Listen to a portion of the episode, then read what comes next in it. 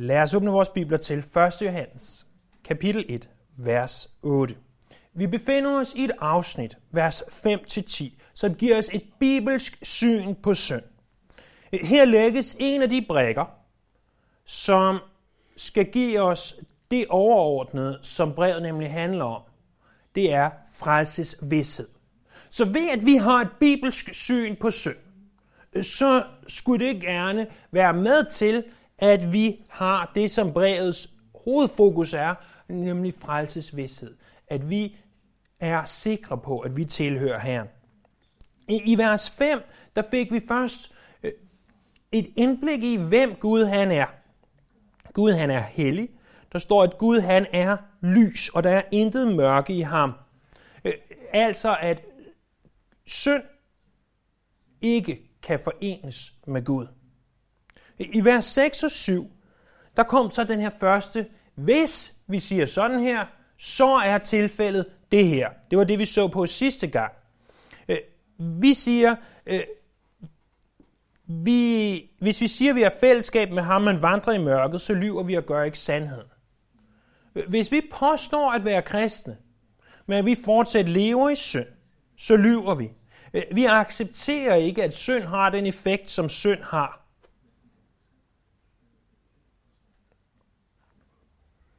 Men hvis vi derimod vandrer i lyset, så har vi fællesskab med hinanden og med Gud.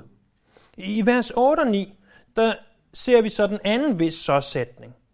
Øh, her korrigeres det syn på synd, at synd ikke længere påvirker os. Øh, de fleste, hvis ikke alle os, der er her, vil forhåbentlig påstå, at vi er kristne. Og, og alligevel, så ser vi, at vi synder. Vi er ikke syndfrie, blot fordi vi er blevet kristne. Synd er stadigvæk et problem. Og i stedet for at benægte det problem, så skal vi bekende det problem. I vers 10 får vi så den tredje vis så-sætning. Og det er det værste. For det er de, som siger, at de aldrig har syndet. Og hvis du siger, at du aldrig har syndet, så påstår du også, at du ikke har et behov for Herren. Og så vil frelse heller ikke kunne opnås eller modtages, skal vi snarere sige for at være korrekte. I, i vers 8-10 står der så sådan her, hvis vi så zoomer ind på det, vi skal se på i dag. Hvis vi siger, at vi ikke har synd, så fører vi os selv på vildspor, og sandheden er ikke i os. Hvis vi bekender vores synder, er han trofast og retfærdig, så han tilgiver os vores synder og renser os for al uretfærdighed. Hvis vi siger, at vi ikke har syndet, så gør vi ham til en løgner, og hans ord er ikke i os.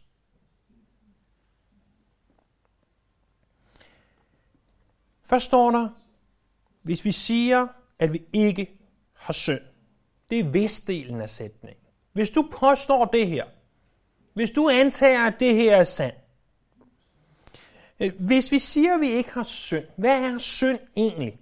Jo, hvis du ser over i kapitel 3, vers 4, så får vi den mest bibelske definition af, hvad synd er. En hver, som gør synd, begår lovbrud, for synd er lovbrud. Synd er at bryde loven. Ja, hvis vi skal uddybe det her yderligere, så kan vi sige, at synd er, når vi ikke lever op til Guds moralske standarder i handling og holdning og natur. Sagt med en definition fra det gamle testamente, så er synd at skyde forbi målet. Men det er ikke alene de handlinger, du gør. Det er de tanker, du tænker. Husk tilbage på, hvad Jesus sagde i bjergprædiken. Det er ikke bare, hvis du slår din bror ihjel. Det er, hvis du siger tåbe til ham. Det er ikke alene, at du begår ægteskabsbrud. Det er, at du tænker tanken ægteskabsbrud. Alt det er synd. Øh, vi skal også forstå, at synd er ikke bare det mindre gode. Så synd er ikke, at jeg ikke gør lige så godt som andre. Synd er det modsatte af godhed. Det er det såkaldte dimensionalt modsatte af godhed. Det er synd. Det er en aktiv genstridighed. Det er, at vi siger til Gud, vi ønsker ikke at leve efter dine bud. Øh, synd adskiller os fra Gud, og vi bliver født som syndere. Og derfor kan vi også udtrykke det sådan her, eller en har udtrykt det sådan her, at synd er en af de mest triste, men mest almindelige fænomener blandt mennesker. Fordi det adskiller os fra Gud. Synd er en af de mest triste, men mest almindelige fænomener blandt mennesker. Øh, I vores bedste forståelse af den her tekst fra vers 8, så er der ikke tale om øh, specifikke handlinger, der indeholder synd. Altså for eksempel nogle af de handlinger, vi lige har nævnt. Tale ondt om andre, eller slå ihjel, eller begå ægteskabsbrud, eller tænke på ægteskabsbrud. Det er ikke specifikt det, der er tale om. Der er tale mere generelt om vores syndige natur. Så er der det her mærkværdige næsten, at den kristne synder stadigvæk. Øh, det ved vi ud fra de her vers, men vi ved det også ud fra vores egen erfaring. Øh, fordi når vi bliver frelst, når vi læser Bibelen, når vi læser 1. Johannes 5, at Gud er lys, og i ham er der intet mørke, så kan vi hurtigt få den falske opfattelse, at for at være sammen med Gud, så skal vi være syndfrie. Og hvem kan så være sammen med Gud? At være kristen er per definition at leve i den sandhed, at Jesus han døde for os og renser os for synd. At være kristen er per definition at leve i den sandhed, at Jesus døde for os og renser os for synd. Vi lever altså i en bestemt sandhed. Og når Johannes han siger, vi som kristne er stadig syndere, så inkluderer han sig selv i de her vers, ligesom Paulus inkluderer sig selv i Filipperne kapitel 3, vers 12-14. Når, ikke hvis, men når den kristne synder, så ændrer det ikke vores lovformelige ståsted med Gud. Gud ser stadigvæk på os som frelst. Gud ser stadigvæk på os som retfærdige, rent lovligt set. Fordi vi er Jesus. Og vi er tilgivet, fordi at frelsen er en gratis gave fra Gud. Det er ikke noget, vi skal opnå.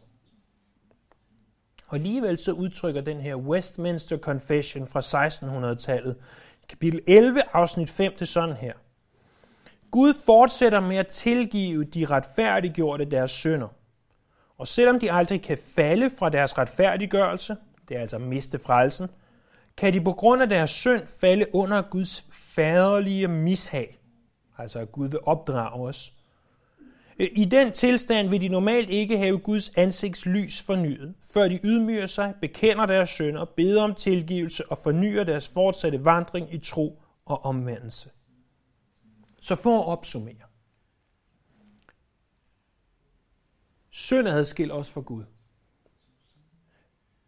Kristne er frelste, fordi at Gud har frelst os.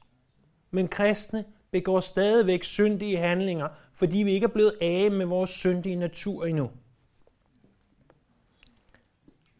Og hvis vi påstår, at vi ikke har synd, at vi ikke stadigvæk har en syndig natur, at den er væk, at den er forsvundet fra os, så siger Johannes i vers 8, så fører vi os selv på vildspor, og sandheden er ikke i os.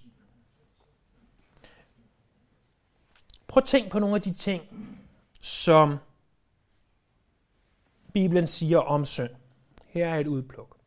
I første kongebog, kapitel 8, vers 46. Når de synder imod dig, for der er intet menneske, som ikke synder. Der er intet menneske, som ikke synder. Og så salme 14, vers 3. De er alle kommet på arvej. Alle er fordaget. Ingen gør godt. Ikke en eneste. Eller Esajas 53, 6.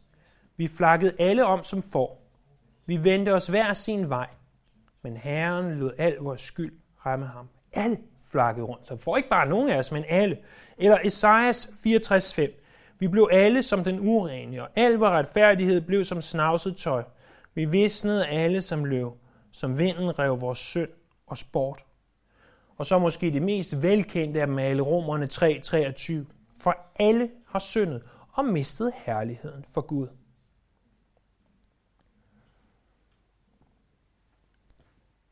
Når vi fører selv på vildspor, og sandheden ikke er i os, så er det en anden måde at sige på, at vi ikke er kristne. Hvis vi siger, jeg er kristen, jeg synder ikke mere, så er sandheden ikke i os. Og som kristne er vi per definition følgere af sandheden, nemlig Jesus. Og hvis sandheden ikke er i os, så er vi egentlig ikke kristne. Så hvis du møder en kristen, sagde Spurgeon, der siger, at han eller hun ikke længere synder, så prøv at kaste et glas vand i hovedet på dem, og så se, hvad de så gør. For så vil de automatisk, de fleste i hvert fald, have en eller anden reaktion, som formodentlig er syndig. Jeg tror nok, han rent faktisk prøvede det engang, den gode Spurgeon. I vers 9, der ser vi modstykket til, at vi alle synder. Hvad skal vi så gøre, når vi synder? For en ting er, at få at vide, som kristne, bærer vi stadigvæk rundt på vores syndige natur. Vi slæber den efter os, og det er en, der har udtrykt, og den påvirker os stadigvæk. Og det er også fint nok, men det behøver ikke komme her for at få at vide. Det vidste I formodentlig allerede godt. Men hvad skal vi gøre, når vi synder? Det er det, vers 9 fortæller os. Der står, hvis vi bekender vores synder, så er han trofast og retfærdig. Så han tilgiver os vores synder og renser os for al uretfærdighed. Det græske ord for at bekende, som vi ser det her i vers 9, det er et ganske interessant ord. Det er ordet homolegeo. Det ved ikke, hvor mange af jer, der fik noget ud af. Men hvis vi prøver at dele det op, så består det af to græske ord. Homo og lego. Homo betyder det samme. Og lego betyder at sige, eller jeg siger. At bekende er at sige det samme. I det her tilfælde at sige det samme om vores synd, som Gud gør. Det er det, det er at bekende synd. At vi tænker eller siger det samme om synd, som Gud gør.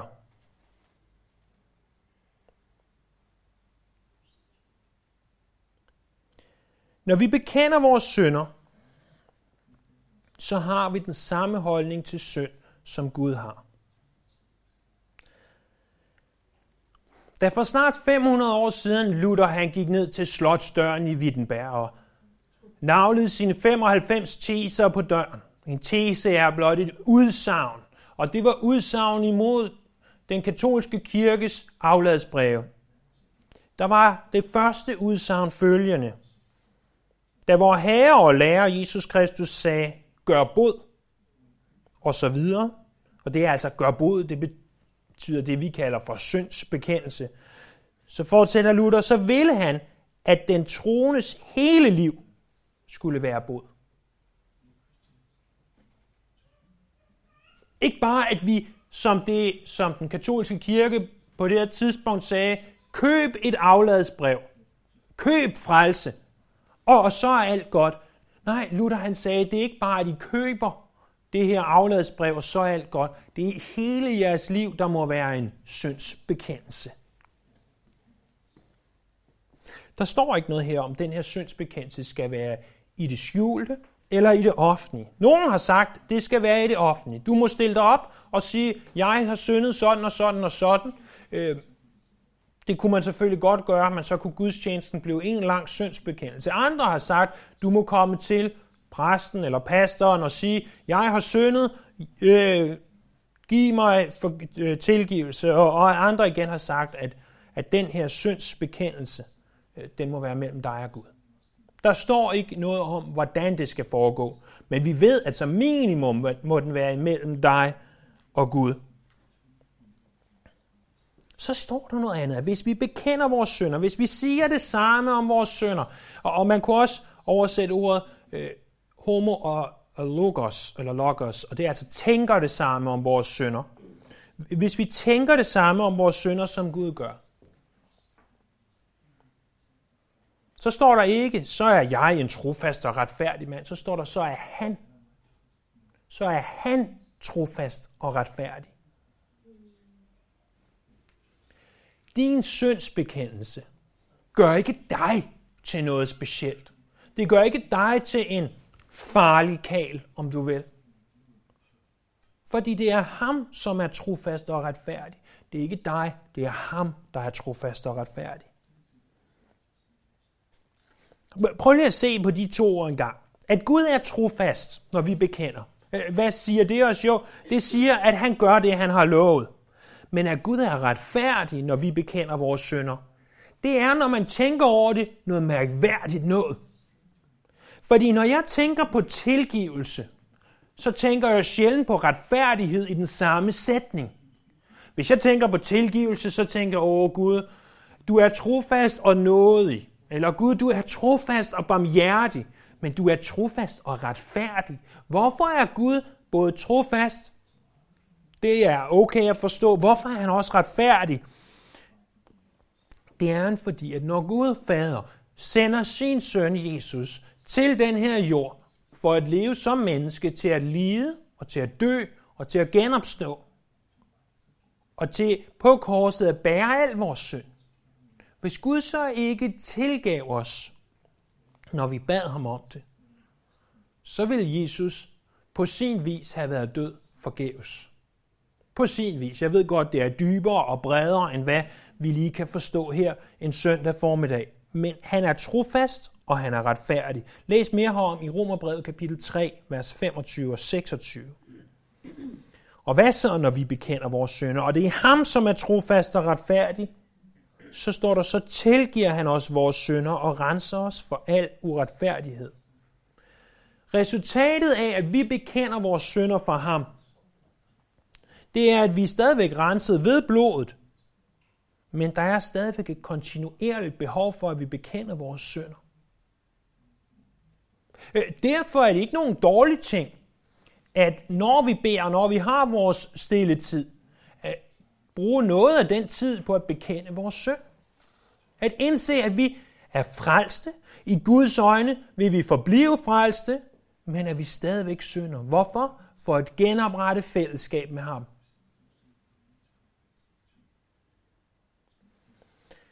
Han renser os for al uretfærdighed. Vi må mindes om ordene fra salme 103, at så langt som østen ligger fra vesten, så langt har han fjernet vores synder fra os. Så i vers 8 og 9 har vi altså nu set det syn på synd, der siger, vi er kristne, vi synder ikke længere. Det er et falsk syn på synd. Det ved vi ud fra skriften her, men også ud fra vores erfaring. I stedet for at gå rundt og sige, vi er kristne, vi synder ikke længere, øh, er det så ikke langt bedre, siger Johannes, at bekende den synd. Og sige, vi er kristne, men vi falder stadigvæk i synd. Vi lever ikke i synd, vers 6 og 7. Vi lever ikke i det. Ikke kontinuerligt, for hvis vi lever i synd, så er vi ikke kristne. Men hvis vi falder i synd, så er vi ganske almindelige frelste mennesker. Lad os bekende den synd. Nu kommer det tredje og sidste syn på synd, som det her afsnit fra vers 5 til 10 lærer os. Nemlig de, der siger, at de ikke har synd. Hvis vi siger, vers 10, at vi ikke har syndet, så gør vi ham til en løgner, og hans ord er ikke i os. I de her ord ikke har syndet, er der et element af påståelig fornægtelse. Øh, vi forstår det bedst som at sige, vi tror slet ikke, synd eksisterer. Vi tror, at gennemgribende er mennesket godt. Og er det ikke netop det, som menneskeheden siger i dag? Mennesket er godt. Det er helt igennem godt.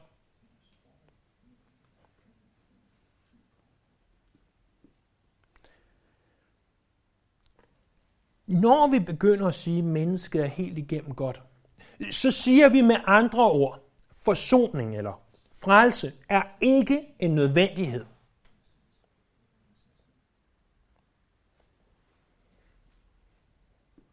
Og, og det er altså centralt for evangeliet, at forsoning, frelse, er en streng nødvendighed. Prøv at se, hvis du siger det her, hvis du siger, vi har ikke syndet, menneskeheden har ikke syndet, jeg har aldrig syndet, mine forældre har aldrig syndet, og hvis jeg ellers tror på Adam og Eva, så har de aldrig syndet. Jeg tror på Adam og Eva, men de mennesker, der måtte sige sådan, de er ikke sikkert, de gør. Hvis du siger det, så står der ikke bare, at så er du en løgner, eller så gør du dine medmennesker til løgner. Det er langt, langt værre end det. Så gør du Gud til en løgner. Så gør du Gud til en løgner. Der står, så gør vi ham til en løgner, og hans ord er ikke i os. Som en har udtrykt det, hvis vi siger, at synd ikke eksisterer, så reducerer vi Gud til satans niveau. For Gud siger, at alle mennesker har synd, og alle har mistet herligheden for Gud. Og hvis vi påstår noget andet, så siger vi, at Gud lyver. Og, og som vi indledte med at sige, problemet i hele det her syn på synd, at synd ikke eksisterer overhovedet, det er, at hvis, sy, hvis synd ikke eksisterer, så er der ikke noget behov for frelse. Så er der ikke noget behov for en frelser.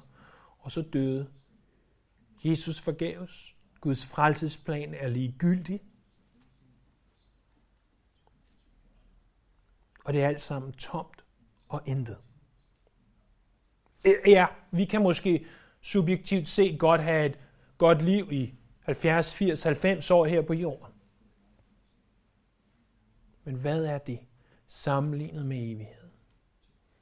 Hvis vi siger, at vi ikke har syndet, så gør vi ham til en løgner.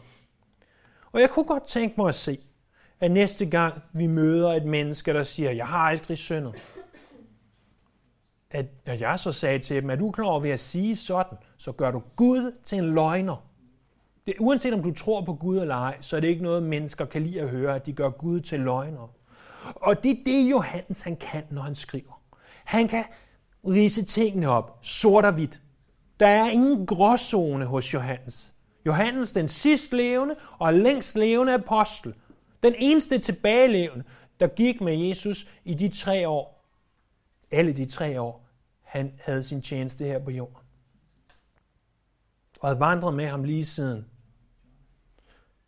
Han siger, hvis du siger, at synd ikke eksisterer, så gør du ham til en løgner.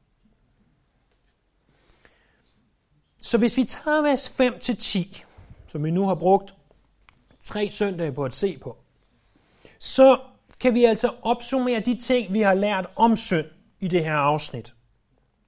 At en bibelsk forståelse af synd er en nødvendighed for, at vi kan have frelsesvidshed.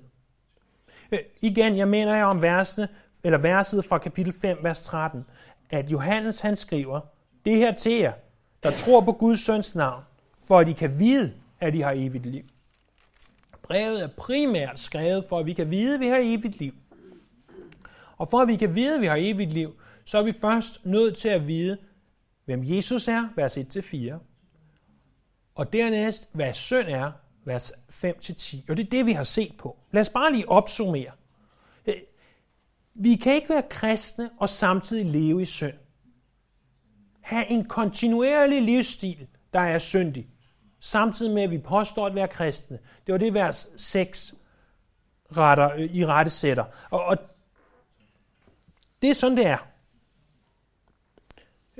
Samtidig, alle har syndet. Alle har ramt forbi målet. Alle er adskilt fra Gud fra fødslen. Vi har også set, at selv den kristne, selv den mest kristne, hvis man måtte bruge sådan et udtryk, selv en Paulus, selv en Johannes sønner. Jeg, jeg ved ikke, om det er en trøst, eller hvad det er, eller det er bare, at vi er alle sammen i samme båd, eller vi har det alle sammen lige elendigt, men trods alt er det en trøst for mig, som er en, en frelst sønder, om du vil, og sige, det er ikke kun mig, der fejler. Johannes fejlede, Paulus fejlede. Den eneste, der ikke har fejlet, det er Jesus. I stedet for at benægte, at vi synder, så lad os bekende, at vi synder. Det var det, vers 9 sagde, at vi skal ikke benægte vores synd, vi skal bekende vores synd. Og vers 10 at hvis vi påstår, at synd ikke eksisterer, hvis vi påstår, at synd ikke er noget, som påvirker menneskeheden i det hele taget, så ser vi ikke vores behov for frelse, og dermed ikke vores behov for en frelser. Det er nogle af de ting, som Johannes han ønsker, at vi skal vide om synd. Han kommer tilbage til emnet igen, for det er en af de ting, der også karakteriserer Johannes. Det er, at han taler om noget, så taler han om noget andet, så kommer han tilbage til noget af det, han talte om. For eksempel over i kapitel 2, vers 9. Den, der siger, at han er i lyset, men hader sin bror, er stadig i mørket.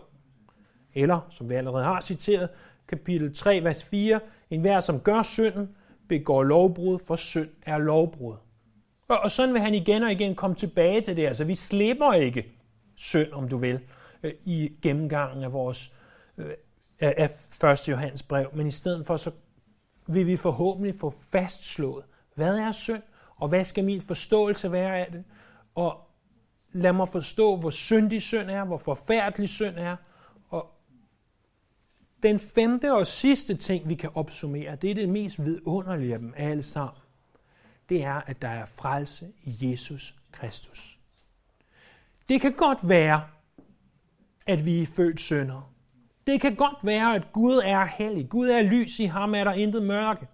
Det kan godt være, at han ikke kan være med synderen i sig selv, men heldigvis behøver vi ikke træde frem for ham i os selv. Vi kan træde frem for ham iklædt, om du vil, Jesus Kristus. Og i det, vi træder frem for ham, så ser Gud Fader os ikke som os syndige mennesker, men rent lovformeligt, så ser han os, som han vil se Jesus selv. Og det er, det er evangeliets kerne.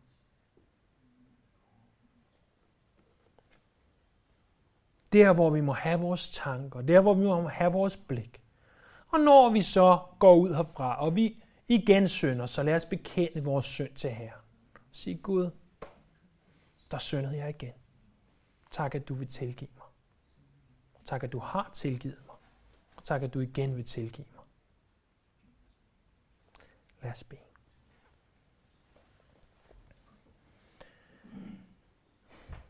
Himmelske Far, de her sandheder, de er i sandhed dybe. Og de er måske for os mennesker indimellem svære at forstå. Men jeg beder, at du vil, du vil gøre dem klare for os. Du vil lade os have nogle stille stunder med dig, hvor vi fordyber os i det her. Ikke fordi vi, vi ønsker, ikke fordi vi ønsker at, at ophøje synden til et stadie, hvor den ikke bør være, men fordi vi ønsker at forstå, hvad det er, som er menneskehedens mest almindelige, men triste sandhed. At vi alle har syndet og mistet herlighed for dig. Tak, at du selv iværksætter din frelsesplan. Tak, at du selv iværksatte din redningsaktion. For det tilbyder vi dig her. Vi priser dig.